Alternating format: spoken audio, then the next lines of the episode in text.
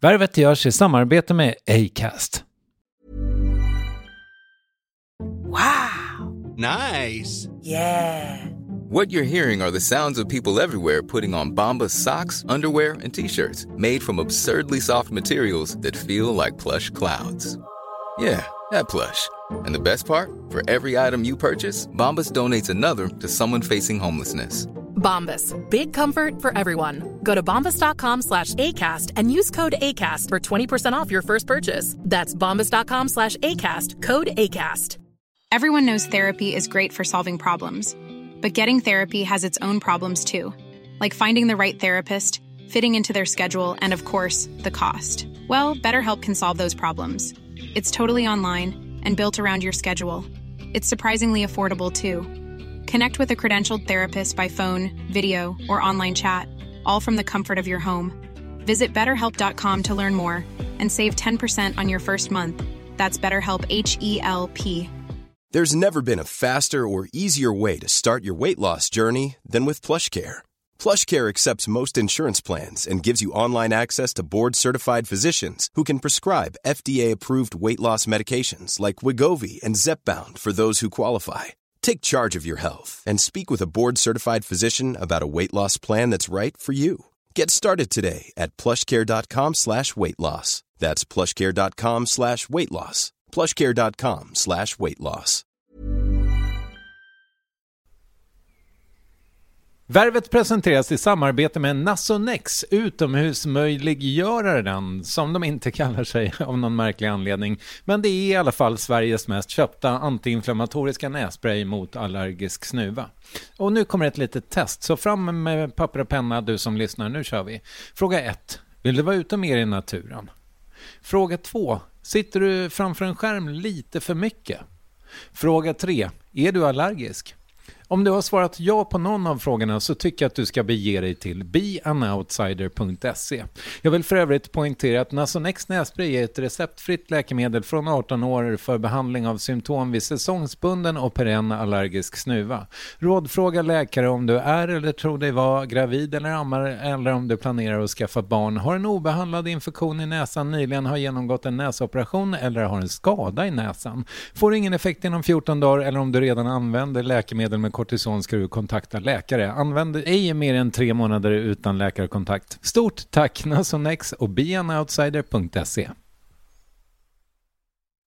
Hej, det här är Kristoffer och du lyssnar på den korta versionen av intervjun. Trevlig lyssning! Och ni lyssnar på Värvet. Åh, Värvet med Kristoffer Triumf. Ja, det är Värvet, Värvet, Värvet, Värvet med Kristoffer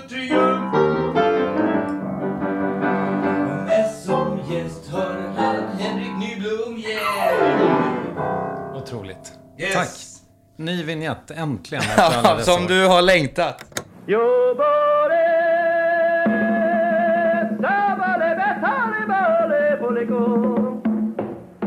I underhållningsvärlden finns nog ingen komiker som i modern tid varit mer nyskapande än Andy Kaufman, död 1984. Någon som fullständigt bortsåg från vad som ansågs vara comedy och som gick en helt egen väg. Om en stund ska ett tidigt framträdande med Henrik Nyblom avhandlas. Det är när han gick upp på scen och åt sill. Mer Kaufman än så blir det nog inte i det här landet. Men där Kaufman ofta kanske inte ens var rolig utan mer kufisk och nyskapande just, är Nyblom alltid det. Förtärandet av senapssill har aldrig varken förr eller senare fått en publik att vika sig dubbel. I höst ser du honom troligen i Bäst i test i tv igen och längs vägarna med Magnus Bettner men redan nu Värvet avsnitt 580. Henrik Nyblom. Det här är lite meta, Henrik, men när jag skriver intron till Värvet så hamnar jag väldigt ofta i så här, okej, hur ska jag skriva att den här personen gör massa olika saker? Och då hamnar jag i ord som så här, tusenkonstnär, modern artist har jag sagt väldigt många gånger. Det betyder Oj. egentligen att det är en artist som också gör tv och är influencer. Eh, eh, många järn i elden eh, återkommer jag också till. Eh, nu är ju du lite kanske låst i folks huvuden som komiker, men det känns också som att du är så jäkla lös. Ja, det är verkligen, det stämmer nog bra. Jag är ju svårt också att definiera mig själv vad jag egentligen är. Allting är väl något sånt här försök på, jag vet inte, slitet uttryck, men liksom så här, fly ifrån mig själv. Samtidigt, för, äh, men bara lust, allting är så här luststyrt att Mm, inte må dåligt liksom. Så då, om uttrycket är liksom att måla eller eh, stå på en scen eller spela musik eller vad som helst. Så länge jag liksom slipper vara i verkligheten på något sätt. Det låter så jävla dumt, men så är det liksom. Jag gillar liksom inte vara i en eh, situation som är liksom mm, innefattar för mycket känslor i sig själv. Alltså, för då hamnar man nästan i att typ så här, allt är meningslöst. Förstår du vad jag menar? Att man kollar på sådana här program som Kosmos och sånt och så inser man, man bara säger ja, vi är här en mikrosekund i livet och ingenting, allting är konformistiskt, allting är liksom uppstyrt och vi tror att vi är, eh, fyller någon sorts funktion, men det är liksom bara på egentligen. Och istället då känner jag bara så här, men fan, bara följa hjärtat ibland och bara slippa det där. För att annars blir man ju bara deprimerad. jag vet inte fan. Men samtidigt så tänker jag mig att det är väl kanske det som är verkligheten. Jag, jag menar, mina kanske främsta så här, kreativa rus inom citationstecken. Det blir Ja. antingen om, en, om jag sitter här och har något musikprogram eller liksom något projekt i Logic. Ja, Eller att jag står på scen ja. när, kanske framförallt impro, det, för då är man så himla lite i huvudet tycker jag. Ja men exakt, då är det, sker det bara per benmärg, liksom impuls. Och då är man i, i liksom nuet och då på något sätt så är man väl som mest levande och då Verkligen. verklig. Ehm, det känns också som att du har ju, om du nu har det här lite lösa förhållandet till ditt konstnärskap. Nu, Ja. Det lät ju väldigt pretentiöst, men, men eh, vi, vi kanske kan låta det vara. Ja, ja. Ehm, ser du det som att du har liksom letat dig fram till det här? För i min värld så jobbade du ju mycket bakom kameran också sådär innan du klev fram kanske. Ja men alltså så här, allting, det här låter ju så skit men så här, det har ju varit sökande hela tiden, alltså sen eh, Eh, jag var, jag vet inte, var liten. Och bara hamnade i situationer, allting, jag tycker att allting känns så jävla kul att göra bara än, jag eh, bara får lära mig något nytt och uttrycka mig i det. Så att, eh, ena sekunden så, jag vet inte om det är liksom olika skov man hamnar i. Så att ena sekunden så är det väl att typ så här, fan vad roligt det är liksom att göra CGI-effekter. Så gör man någon film i det där liksom, mm. Eh, ja men säg musik och så sen, det, eh, kan man snöa in på vad fan typ så här reggae. så vill man göra en reggae-låt. Det är väl det som är så jävla eh, fördel med att hamna in i komiken till slut. Då kan man rättfärdiga och liksom göra liksom trams. Det finns en flykt ifrån en sorts, ja men en skitnödighet i det. Alltså, och jag, jag kan älska sådana som är liksom stringenta i sin musik. Eh, eller så konstnärskap och liksom göra exakt samma sak. Men jag har väldigt svårt för att vara en sån person som bara till så här, okej, nu ska jag bara köra liksom one string guitar och göra 14 skivor och det ska mixas på precis samma sätt. Jag vill liksom bara gå efter dagsformen. Och jag tänker det där, att som man är som människa, oavsett vad du är för karaktär, det är alltid du. Och du skulle intervjua mig här och jag var någon annan figur och jag skulle prata liksom så här hela intervjun. Så skulle det ändå vara jag.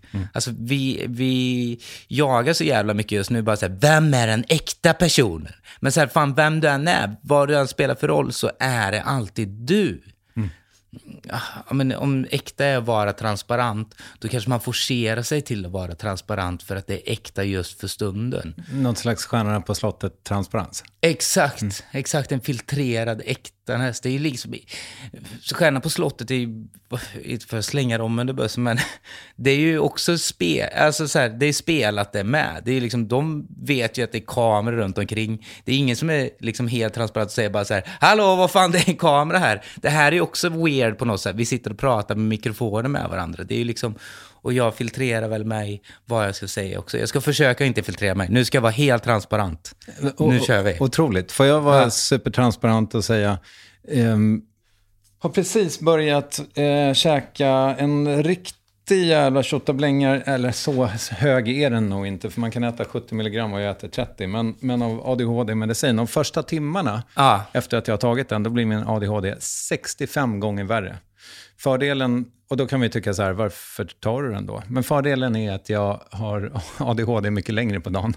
Ja. Istället för att ramla ihop som en liten trasa efter Ja, lunch. ja, men fan. Whatever rocks your boat. Och liksom experimentera med sin kropp och fan allting går att klippa som du känner det liksom i det. Kör på bara. Tack, fan, Henrik. Det där är hur lugnt som helst. Och jag, eh, för jag kom på en sak eh, i ditt svar där, när du Ja. sa att eh, du tittar på ett program om rymden och inser att hur meningslöst allt är. Typ. ja.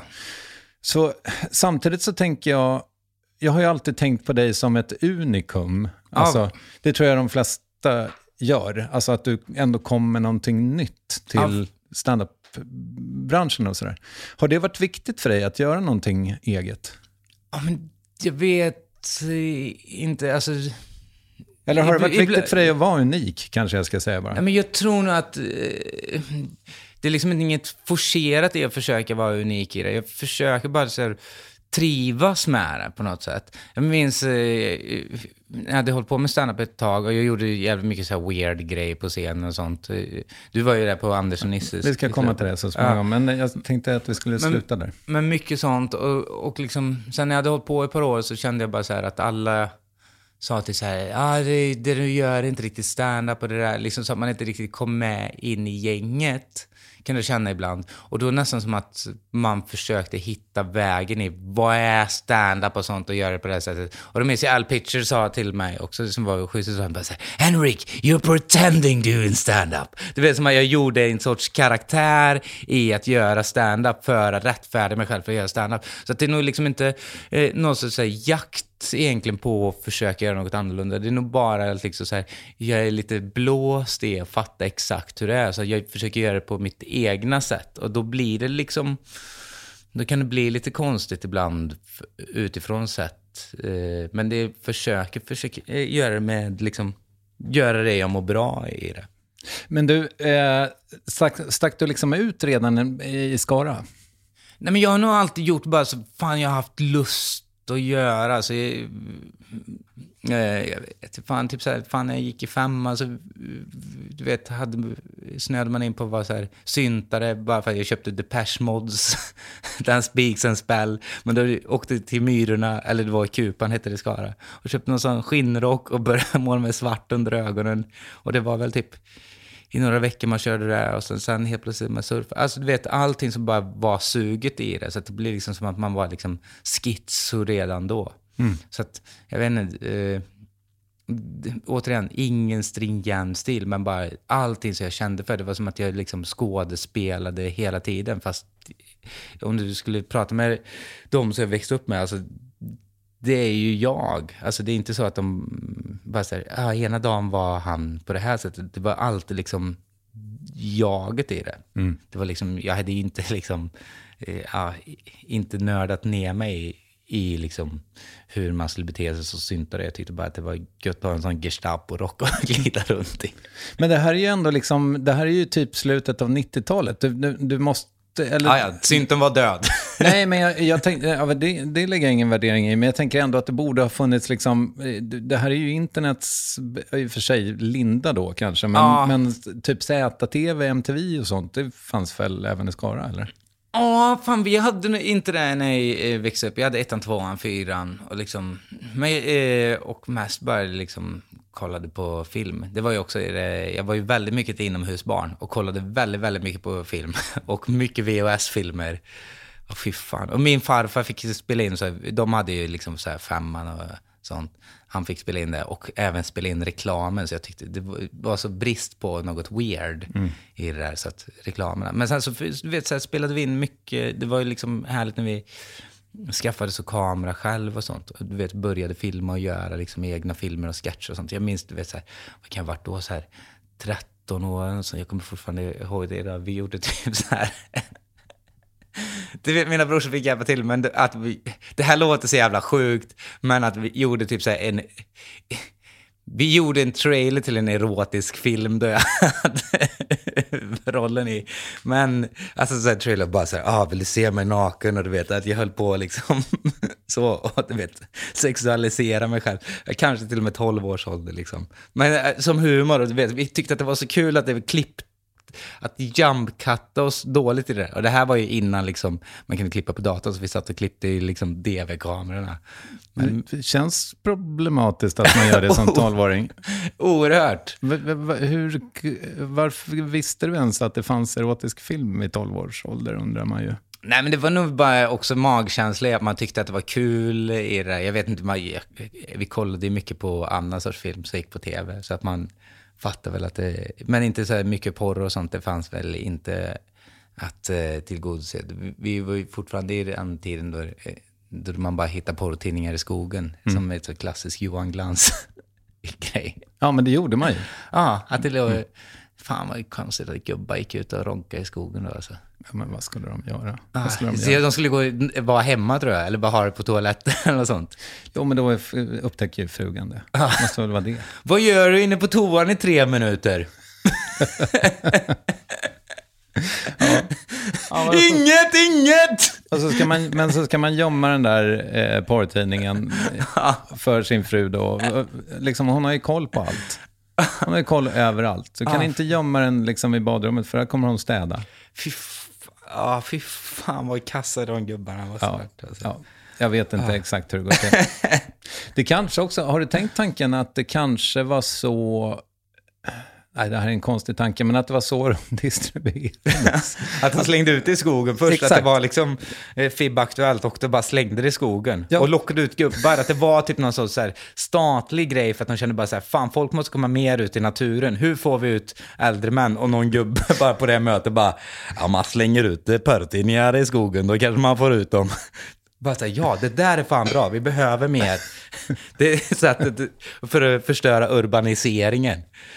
Ja, där har vi något. Eh, Men jag, jag får liksom känslan av så här, för du, det, alltså din mamma återkommer så himla mycket liksom i, ja, men i din stand-up och i ditt liv verkar det som. Ja, ja, alltså hon är ju guld. Det är hon. Och det, bo, liksom båda dina föräldrar förekommer, men, Ja. men det ger mig intrycket av att du kommer från ett väldigt tryggt och kärleksfullt hem. Är det, Ja, är det korrekt? alltså, ja men de är ju, ja men väldigt tryggt och, som du säger, kärleksfullt. Alltså hur goa som helst. Och Morsan är väl typ så här, eh, vad ska man säga, med humorn, med surrealism och liksom weirdness och sånt. Att så här, hon gick ju med Monty Python-filmer och sånt och bara här, det här, det här är roligt. Och du vet Peter Sellers och sånt. Köpte, du vet så här, när man åkte iväg på liksom, du vet så här, på eh, eh sommarlov och sånt.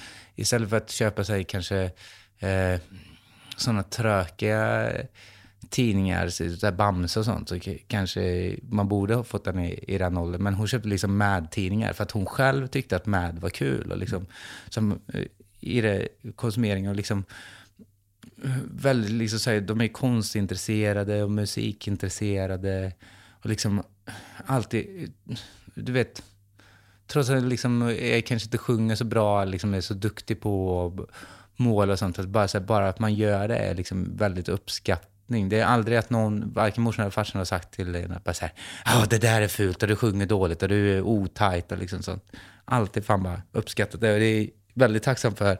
Och det är jag fortfarande i med andra människor också, att det är så här, fan, jag tycker att alla kan sjunga och alla kan spela och liksom alla kan måla, bara folk får uttrycka sig. Men det är, jag- kan ha väldigt svårt för människor som liksom ska försöka hitta fel i saker som är väldigt lätt att göra. Fan, eh, liksom jaga, du vet, om du målar en teckning och så ska man sitta och bara säga nej, näsan blev fel. Bara, men fan, du ser väl vad det är? Alltså, eh, så att, I mitt fall förmodligen inte. Men, Jo, jag tror det. Alltså, du vet, för att man jämför sig med sådana som är... Du har varit på något konstmuseum och så sett bara sådana som har lagt ner hundra miljoner timmar i det och så känner du bara så här, fan vad dålig jag är. Men det som du målar, det är, det är bara du som kan göra det. Det är bara du som kan uttrycka det. Oavsett om det är en streckgubbe så kan du måla liksom eh, vad som helst, eller hur du spelar gitarr. Du spelar det på ditt sätt. Och som jag säger, nu i AI-tider så kan ju fan AI bygger bara efter det som är liksom det bästa. Så att fan, det sämsta är det nya bästa. jag vet fan, det är luddigt. men vad blev det förresten av, alltså eh, två frågor igen. Vad, Aha. vad blev det av dina bröder och vad, vad jobbade dina föräldrar med? Uh, farsan, gammal eh, tandläkare är han. Uh, alltså eh, på landstinget. Så, ingen så privatklinik eller något sånt. Väl, alltså det är ju klassiker att säga om uh, farsan att så här, så jag träffade nu när jag var i Ängelholm och var på någon så här second hand-affär och så var det bara är det Mats Nybloms? Jag Bara så, ja det är Du måste hälsa till Mats. Han var så snäll. Och det är väldigt fint. Jag tycker, alltså, eh, just den här farsan har alltid varit eh, alltså, snäll och reko. Och liksom, jag minns typ så här, eh, som också vid typ så här, då kanske var här 15-årsåldern skulle göra något gig och så ställdes det giget in, då spelade jag band och så ställdes det in och så skrev de i utskicket bara Henrik kommer inte spela på giget för att han har fått jobb och då hade jag fått något sommarjobb och då blev jag så jävla sur att de skulle göra ner mig. Och du vet, skrev ett långt mejl och du vet, min farsa bara så här, är det ens värt att ta den här konflikten? Det, här, du kommer, det blir bara bråk. Strunta i det. Så att det är väldigt fint i det där att han s- liksom inte handlar i affekt. Det är, Impulskontroll. ja. Men det, har du ärvt den verkligen?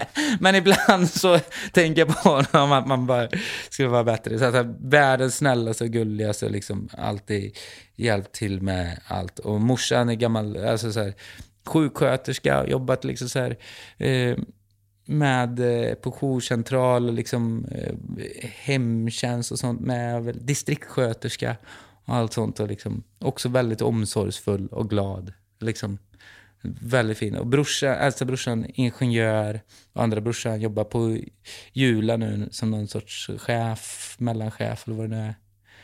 Så att ena brorsan stack ifrån stan, den andra är kvar i stan. Men också, de är också bra kompisar liksom. Hur var Skara att växa upp i då, på 90-talet typ? Men det var, alltså, det är så svårt. Eh, jag- vet ju inget annat än Skara. Alltså, det är först när man kommer till andra städer man fattar att liksom, så det kanske var lite weird. Vi alla umgicks med alla, liksom, om man startade ett band i Skara, då var det liksom någon som hade en sån yxgitarr och någon som liksom lyssnade på Toto. Det, återigen, det fanns ingen stringens och liksom alla samhällsklasser var ju liksom det var ingen som var typ såhär, här, det där är de rika, det där är de fattiga. Liksom, alla var bara tillsammans och så var det liksom hur du var som personlighet. Så att, Jag, förlåt, men det där tror jag är en småstadsgrej. För jag var jätte... Jag, var liksom, jag hade nog gått ut gymnasiet innan jag förstod liksom, vilken klasstillhörighet mina gamla klasskompisar hade haft. ja men exakt, det är jävligt fint i det där. Och liksom, man tänker inte på liksom så här, eh, vilka länder de kommer ifrån eller något sånt. Det fanns liksom inte heller liksom Eh, på samma sätt som man fattar att liksom så här, andra skolor har haft. det. Liksom, det fanns inte liksom, kanske supermycket att göra i Skara, att det liksom inte finns badplats och liksom... Eh, så, men fan, jag, jag har fortfarande asmycket kompisar kvar ifrån Skara. Liksom. Alltså, så här, varje år åker vi liksom till Italien med ett kompisgäng och då är vi liksom så här 20 pers, mer eller mindre. Så att, fan, eh, de... Det som är väldigt skönt med Skara, så jag tycker det är liksom så här, superkraften där är liksom att man ska ha sköj. Det är liksom den grejen att man bara ska ha roligt med varandra. Liksom, det spelar liksom ingen roll vad du har för liksom så här, vad du jobbar med eller liksom hur du ser ut eller liksom vart du kommer ifrån. Bara liksom så här, fan är du rolig och liksom schysst att umgås med så är det liksom styrkan. Och det tycker jag är väldigt eh, fint med Skara, att det liksom bygger väldigt mycket på hur du är som person. Så att alla får liksom vara med på något sätt. Men var du, var du rolig tidigt? Ja, men det är nog svårt att säga för att alla i Skara är ju skoj. Jag vet, eh, jag har ju alltid sett, jag har ju alltid fuskat mig runt genom att eh, använda mig utav humorn kanske. Liksom så här, att det är ju ett sätt att slarva, är ju liksom att sköja till det istället. Det är ju enklare att göra en sköjelåt, för då kan man vara lite rough around the edges, jämfört med att typ så här, ska du göra liksom eh, en eh, sonat, så finns det liksom regler. Men det är väl det som är friheten med liksom, att tramsa, är ju att du kan liksom ja, men du kan göra det på ditt egna sätt. Liksom. Ja, eh, det där, jag är lite nyfiken på det. eh, Men, men var liksom humor och musik, var det fort, alltså vad, skulle, redan från början skulle de två förenas i din värld? Mm,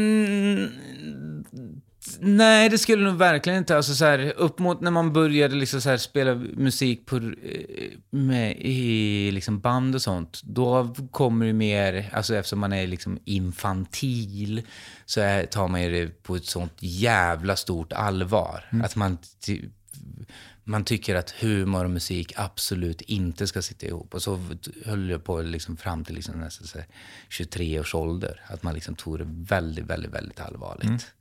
För, för det var, tanken var väl ändå att du skulle bli rockstjärna? Ja, ja, ja, det var ju drömmen. Alltså, jag spelade alltså så här...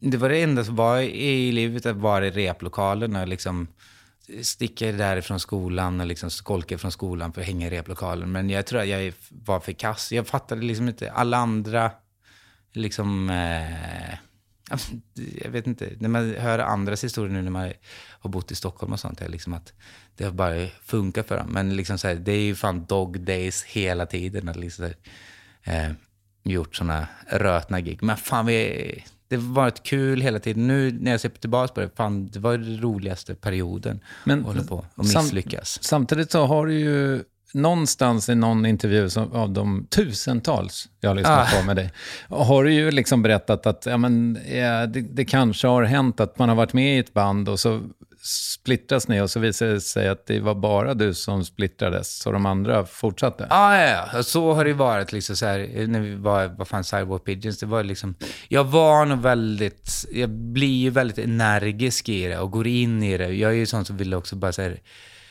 repa hur jävla mycket som helst och liksom när folk skaffar liksom så här flickvänner eller något sånt, jag blir nästan besviken på, på dem och liksom kan vara väldigt jobbig att ha att göra med i det där. Och, liksom, och också det där att jag kan svänga mig från olika stilar som blir jobbigt att vara eh, i ett band. Att bara säga, okej nu ska vi köra liksom, vi säger då indiepop och sen nästa dag så är det bara så här, nej men nu ska vi köra fan eh, krautrock. Mm. Har ni hört reggaeton? Ja, men det är exakt. Afrobeat. Nu, du vet, så, här, så att det blir ju krångligt och jag fattar att jag är, jag är en sån krånglig person för folk att vara med.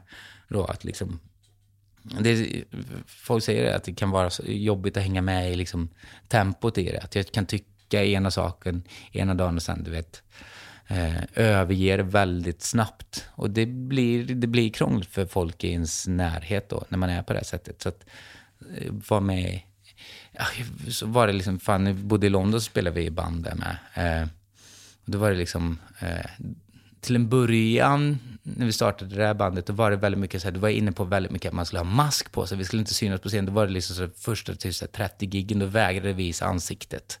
Då hade jag någon sån idé av att man skulle vara, man skulle vara mytisk, man skulle inte göra några intervjuer och sånt. Du vet, för att man har idiotisk jävla självbild. Och, Vad var det för masker? Ja, Jag hade byggt masker själv, du vet med så här gips och du vet, gjorde så här, väldigt mycket så här Venetian, du vet med långa näsor, lite så The Knife-aktigt, du vet så här.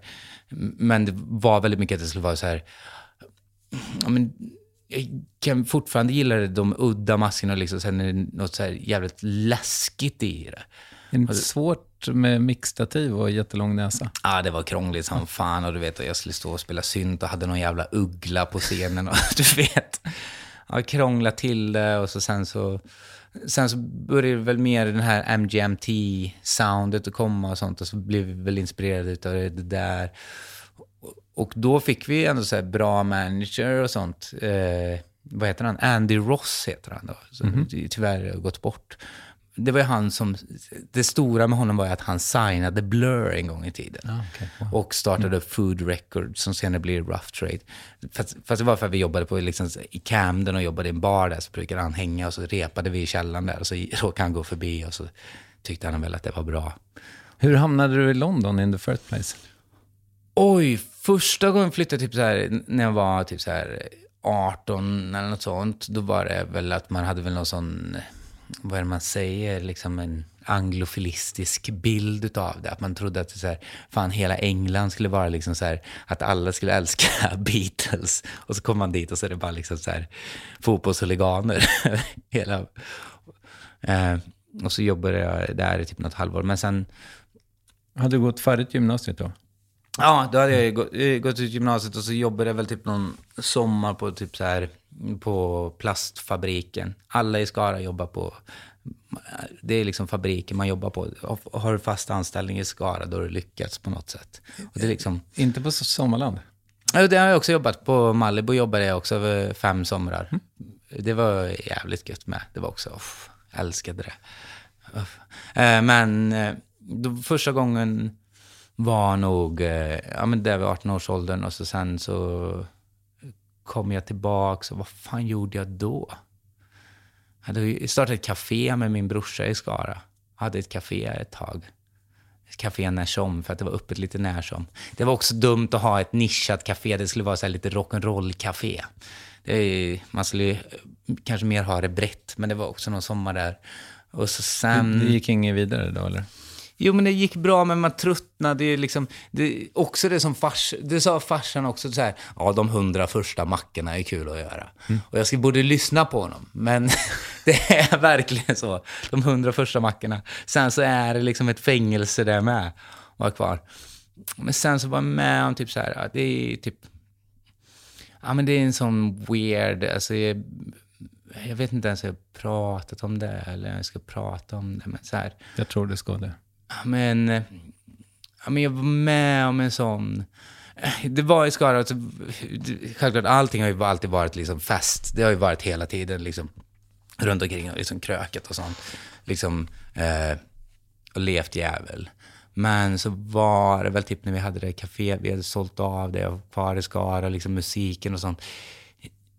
Det blev liksom så här detsamma. Jag var väl typ så här, jag vet inte, eh, 20-årsåldern någonting. Eh, men då var det typ eh, en, sån utekväll, så jag blev typ så här, jag blev rätt rejält typ misshandlad. Och du vet så här, eh, är det, är det här jag tycker det är svinjobbigt att prata om, men eh, så att det var typ så här, eh, ja men blev så nedslaget så att du vet, höll på, jag vet inte, jag blev typ så här, höll på att dö och grejer. Eh, eller jag vet inte fan, men eh, jag blev rejält nedslagen. Eh, Varför? jag vet inte, han, han gick väl bärsärkagång den killen eller något sånt. Vi skulle på efterfest och sen så råkade vi bara vara på stan och så var det någon random tjomme som var liksom, jag vet inte, tog mm, fel eller något sånt, jag vet inte fan. Men han var inte helt frisk liksom i det där. Men, eh, ja men bli slagen med typ så här järnrör och du vet, åkte ner på marken och du vet så här. Jag kommer bara ihåg typ så här att jag låg på marken och eh, eh du vet, helt, du vet, jag kommer ihåg så här, blodet rinner ner för ögonen och du fattar typ så här, det här är inte bra. Och så sen så du vet, fick en sån, du vet, så här, bara spark i ansiktet och sen, eh, eh, sen helt däck. Och liksom, eh, vaknade upp i typ ambulansen och liksom, eh, eh, och var, sen åkte till sjukhuset och liksom, du vet, sprickor i skallen och sprickor i ögat och bla bla bla. Men, eh, jag vet inte, det där var nog typ lite så här, det, det blev så här rättegång och sånt och det är jobbigt som fan. Och liksom sen efter typ, det, folk var packade och sånt så det var liksom inte tillräckligt mycket vittnesmål och allt sånt.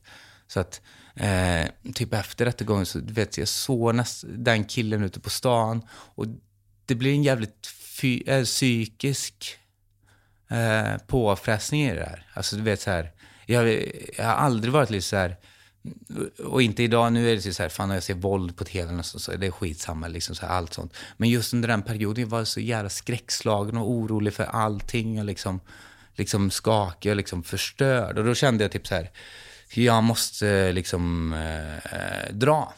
Jag, då flyttade jag till London liksom, för jag kände att liksom, jag behövde liksom eh, clean slata mig själv. Och liksom, ja, men, vad ska man säga, alltså, så här, att man fick liksom eh, dö för att leva. Liksom, det blev väldigt mycket att eh, eh, jag tror att det där var en sån viktig milstolpe i mig själv. Är att våga bara, så, bara skita i saker med. Bara så här, ja men fan, gör det här livet är så jävla kort ändå. Liksom så här, fan nu har jag dött en gång, så nu kan jag leva. Typ så. Men det, jag vet inte. Ja, det är en väldigt konstig period där. Men det, det har jag inte pratat om innan. Och honom såg du liksom, har du sett honom när du har varit tillbaka till stan och sådär? Nej, och så här, det är väl lite det där som man håller sig undan i det där. Men jag vet inte fan. Jag är ju inte så sugen på att liksom söka upp det där. Men det är också så fint. utav- Det är också så här morsan som var fin i det där. När det blir, trots att liksom så här, han gjorde det där. Så morsan bara, så här, ja, man vet ju inte vad han har i sin ryggsäck.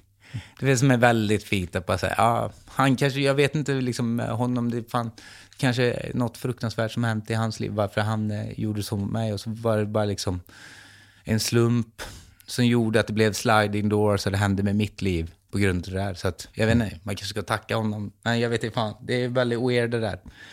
Jag, vet inte, jag kan inte gå runt och liksom vara bitter på en sån sak. Eller liksom så här, känna liksom så här, en ilska i, i det där. Men det är ju tråkigt att det händer. Och liksom, för mig kanske det var en bra grej. Jag vet inte. I don't know. Liksom, om det inte hade hänt. Man kan inte gå tillbaka och tänka för mycket så. Liksom. Allting kanske har någon sorts eh, mening utan att bara låta som en fri religiös pastor i det där.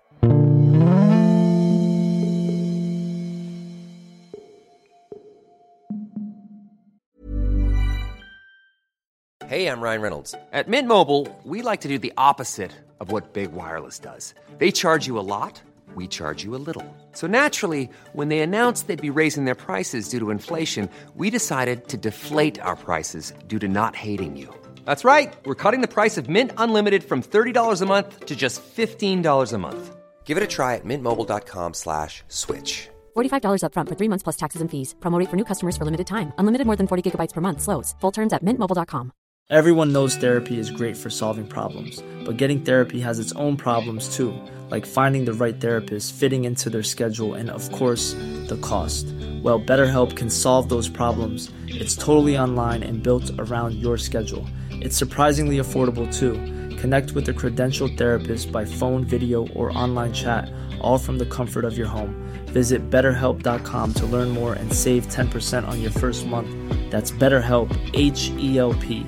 There's never been a faster or easier way to start your weight loss journey than with PlushCare. PlushCare accepts most insurance plans and gives you online access to board-certified physicians who can prescribe FDA-approved weight loss medications like Wigovi and Zepbound for those who qualify. Take charge of your health and speak with a board-certified physician about a weight loss plan that's right for you. Get started today at plushcare.com slash weight loss. That's plushcare.com slash weight loss. plushcare.com slash weight loss.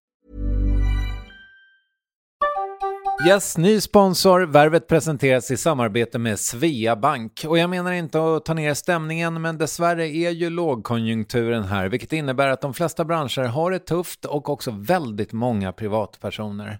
Jag vet själv vad det är att ha en trasslig privatekonomi. Det var struligt i många år för mig och låg ofta post i hallen med trista logotyper i ena hörnet och jag hade också i flera års tid ett helt gäng betalningsanmärkningar. Och tyvärr är det nog många som har det svårt att få ihop till räkningarna just nu, som har hamnat i ekonomiskt trubbel. Och det är här Svea Bank kan kliva in med något som kallas skuldfinansiering. Där löser de skulder hos inkasso och till Kronofogden och till och med om Kronofogden vill sälja ditt boende har Svea Bank möjlighet att hjälpa till. I den här tjänsten får du en personlig handläggare som gör en grundlig genomgång av din ekonomiska situation. De tar kontakt med dina kreditgivare och när ett lån beviljats löser de dina skulder åt dig och samlar dem i ett enda lån med en avbetalningsplan som din ekonomi klarar av. För om du har hamnat i klister, du är inte ensam och kanske kan det här hjälpa dig. På svea.com skuldfinans kan du läsa mer. Tack Sveabank. Du, ehm, jag får, eh, nu inser jag så här, jag håller på att bli sen med min lunch eh, med Ossi Bonde. Oj, vem är Ossi Bonde? Eh, halva John Ossi va? Aha. Eh, men eh, jag vill ändå ställa en sista, eller ett par sista frågor. Shoot. Jag kanske läser in lite mycket, men jag får bilden av att du, liksom, för det känns ju som att det då eh, över de senaste åren kanske framförallt varit högt tempo i ditt liv. Liksom. Ah, ja. Du har varit ute mycket på vägarna och så vidare. Men jag får lite bilden av att du så här längtar efter att sakta ner, bilda familj, sådana grejer. Stämmer det? Ska du göra en liten Tinder-bio? Ah, jag vet inte, Tinder har jag, men jag vet inte fan. Alltså jag är jag syskonbarn, eh, mina syskonbarn älskar jag så jävla mycket och de kan jag liksom fly ifrån. Men jag vet att jag är liksom så här. Jag har ju några sorts jävla issues med att jag är ibland inte närvarande och liksom gör saker så jag kan liksom försvinna iväg. Så att jag vet inte om jag skulle bli en så, så pass bra förälder i det där. Eller liksom, så här, eller liksom bra i förhållande heller. Liksom att jag är dålig på att anpassa mig efter andra människor. Och liksom, mm, det är liksom inte... Jag, det är samtidigt som att det är liksom egoistiskt så kan väl se att det finns någon empati i det här. För jag vill liksom inte utsätta andra människor för mig själv. Jag liksom så här, självhatet är så pass starkt. Och det är så, alltså så här, grejerna alltså som jag tycker är kass som jag gör, tycker jag själv att det är kass och det är dåligt och det är slarvigt och liksom, jag är en eh, oskön människa. Kan jag tycka liksom att jag kan vara jobbig att vara med mig själv. Alltså, det är väl därför jag håller på och flyr hela tiden. Men att eh, trappa ner, jag vet inte fan. Jag, nu har jag ju skaffat något hus ingenstans i liksom Ödeshög, ute på landet. Jag flytt ifrån Stockholm, för jag var liksom så här, jag, jag var lite trött på liksom att Stockholm och bo i lägenhet här blev också klaustrofobiskt och alla liksom så här, det finns ju väldigt mycket så här, att umgås med människor, det blir liksom att umgås med människor är ju att sitta och podda med folk. Det är så här vi umgås här. Liksom. Hur mår du egentligen? Det är då man får öppna upp. Eller så går folk och pratar med sina terapeuter och det är det enda gången. Och sen om man ska prata privat med sina kompisar, bara säger, kan jag prata om mina känslor? Nej, det där får du ta med din terapeut. Så man får liksom paniken i det där. Men nu när jag har flyttat ut på landet känner jag bara så här, fan, jag kan liksom, jag kan gå runt utan hörlurar. Det, du har pratat om det där med att också bara koppla ur, liksom och bara vara i sig själv och påta i en trädgård och liksom, eh, det är ju någonting att sätta upp fågelholkar och sen så är jag ute på turné liksom så här fem dagar i veckan och liksom får träffa folk och liksom uttrycka mig och sen så får man bara komma hem till ingenting och bara liksom vara för sig själv isolerad. Alltså, det är någonting, going back to the farm är väldigt skönt i det. Att slippa liksom komma eh, eh, till Stockholm och så få ett telefonsamtal och säga, men vad fan hade hon på sig på Ellegalan? Bara så, men fan jag bryr mig egentligen inte. Men sen så rycks man med och man ska tycka någonting om någonting som är så jävla oväsentligt att man ska göra ner eller göra upp någon. Så, men eh, jag vet inte fan, det är väl någon sorts sökande på att varva ner och bygga någon sorts jävla oas och bara eh, maniskt göra något crazy. Liksom, jag vet inte, det låter så jävla sjukt att bygga sitt egna universum. Men det är ju det där man jagar, liksom, så att för att i ens egna universum då blir det liksom ens egna regler och man skapar en sorts frihet vad som är liksom eh, alltså, man bygger sin egna konstform. Att liksom, det var någon som sa väldigt fint, så jag blev väldigt glad. När någon hade filmat någonting och så sa han så här, det där är väldigt Henrik Nyblomskt. Och jag bara så här, fan det där blir man, det där blir jag glad över, att det finns liksom en stil i det. Eh, Och eh, då är det väl det universum man vill bygga. Men sen får vi se med familj och sånt, jag vet inte. Om någon kan stå ut med mig.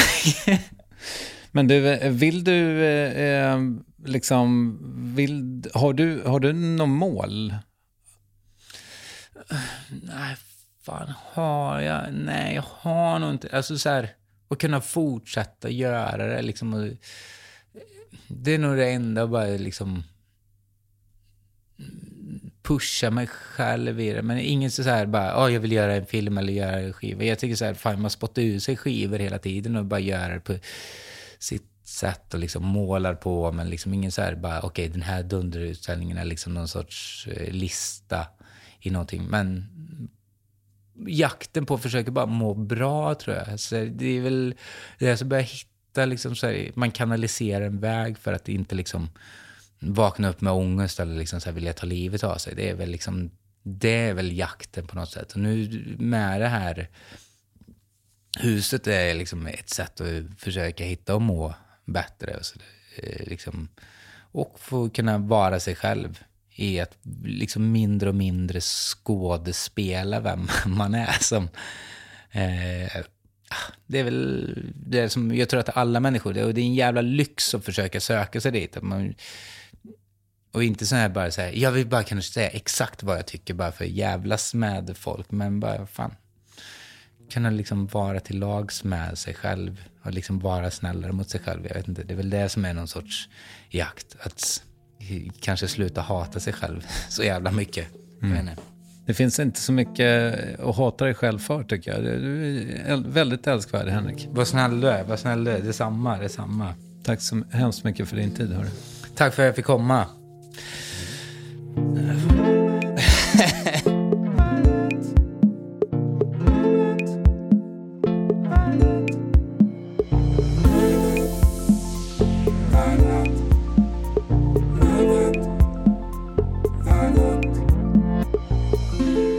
Efter intervjun sa Henrik Nyblom, ja vi hann ju knappt med de senaste tio åren. Så vill du som lyssnar att han ska komma tillbaka, ja men hör då av dig på Instagram till exempel. Svara där gör jag, Kristoffer Triumf, men värvet görs ju också av producent Ninni Westin och ges ut av Acast. Jag hoppas din sommar är fantastisk och vi hörs ju om mindre än en vecka för nu finns det sommarvikarier, missa inte dem.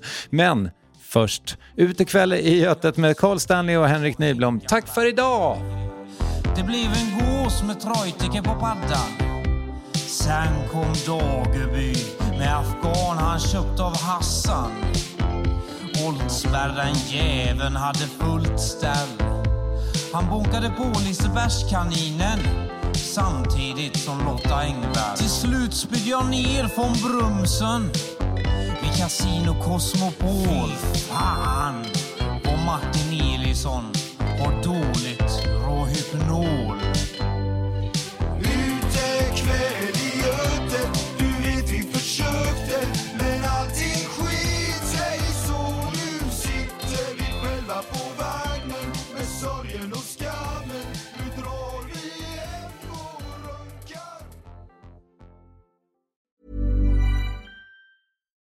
As humans, we're naturally driven by the search for better. But when it comes to hiring, the best way to search for a candidate isn't to search at all. Don't search, match with Indeed. When I was looking to hire someone, it was so slow and overwhelming. I wish I had used Indeed. If you need to hire, you need Indeed. Indeed is your matching and hiring platform with over 350 million global monthly visitors, according to Indeed data, and a matching engine that helps you find quality candidates fast. Ditch the busy work. Use Indeed for scheduling, screening, and messaging so you can connect with candidates faster. And Indeed doesn't just help you hire faster. 93% of employers agree Indeed delivers the highest quality matches compared to other job sites, according to a recent Indeed survey. And listeners of this show will get a $75 sponsored job credit to get your jobs more visibility at Indeed.com slash podcast. That's Indeed.com slash podcast. Terms and conditions apply.